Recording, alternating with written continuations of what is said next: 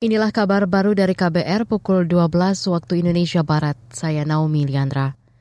Presiden Joko Widodo menilai keberadaan fasilitas kesehatan seperti Rumah Sakit Pusat di Ibu Kota Nusantara IKN bisa menekan angka masyarakat berobat ke luar negeri.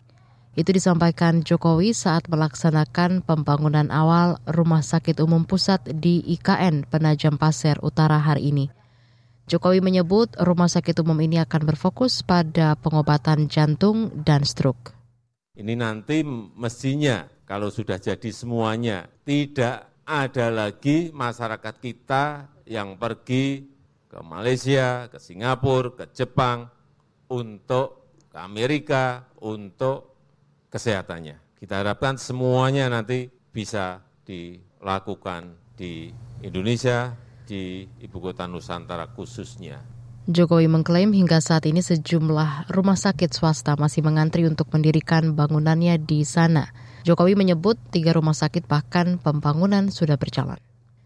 Kepolisian akan menggelar operasi lilin 2023 dalam rangka pengamanan Hari Raya Natal 2023 dan Tahun Baru 2024. Juru bicara Mabes Polri Ahmad Ramadan mengatakan operasi dilaksanakan mulai 22 Desember 2023 hingga 2 Januari 2024. Polri dalam menyambut Natal 2023 dan Tahun Baru 2024, kita menggelar operasi lilin selama 12 hari. Pengerahan personil yang dilibatkan dalam pengamanan Natal dan Tahun Baru melalui operasi lilin ini berjumlah 129.923 personil, di mana personil ini terdiri dari Satgas Pusat dan juga Satgasda di 34 Polda.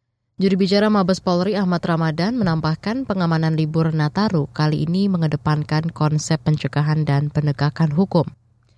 Sebelumnya pemerintah memperkirakan akan ada pergerakan seratusan juta orang saat momen libur Nataru. Puncak mudik diperkirakan 22 Desember. Komisi Pemilihan Umum KPU Kota Bandung sudah menerima logistik surat suara pemilu DPR RI dan DPRD Provinsi Jawa Barat.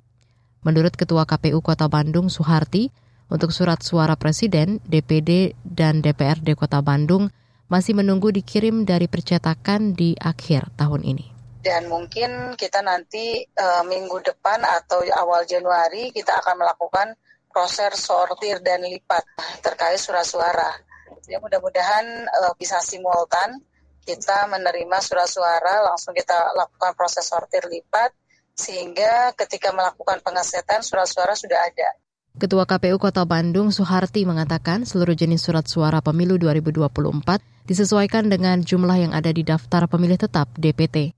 Jumlah penduduk Kota Bandung yang masuk ke DPT Pemilu 2024 sebanyak 1,8 jutaan orang atau pemilih.